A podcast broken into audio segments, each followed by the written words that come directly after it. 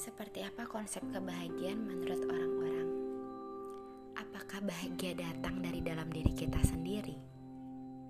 Pertanyaan yang harus kita jawab dalam diri kita sendiri. Kenapa sih setiap orang merasakan bahagia ketika kita mampu mengalahkan orang lain? Apakah kebahagiaan adalah alat ukur? Apakah bahagia adalah sesuatu yang bisa kita ukur? Hati kita, apakah sebuah alat ukur? Hati kita, apakah sebuah benda yang bisa kita ukur?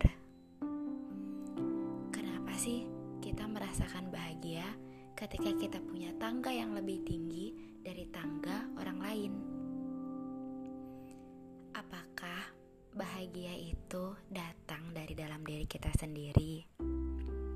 Apakah bahagia itu muncul ketika kita tahu apa yang membuat orang lain bahagia. Dengan tanpa sadar, kita ingin menyaingi kebahagiaan orang lain.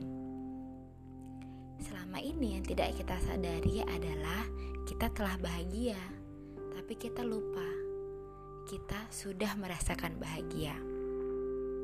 Kita merasakan bahagia ketika kita sudah melihat ternyata orang lain bisa bahagia karena itu.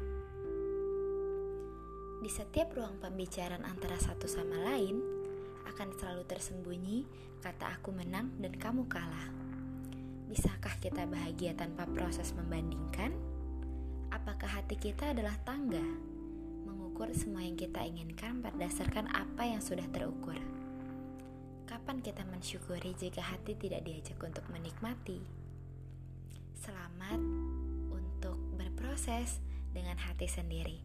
Coba tanyakan lagi, apakah bahagia sudah muncul dari dalam diri sendiri, atau bahagia muncul ketika melihat orang lain tidak bahagia?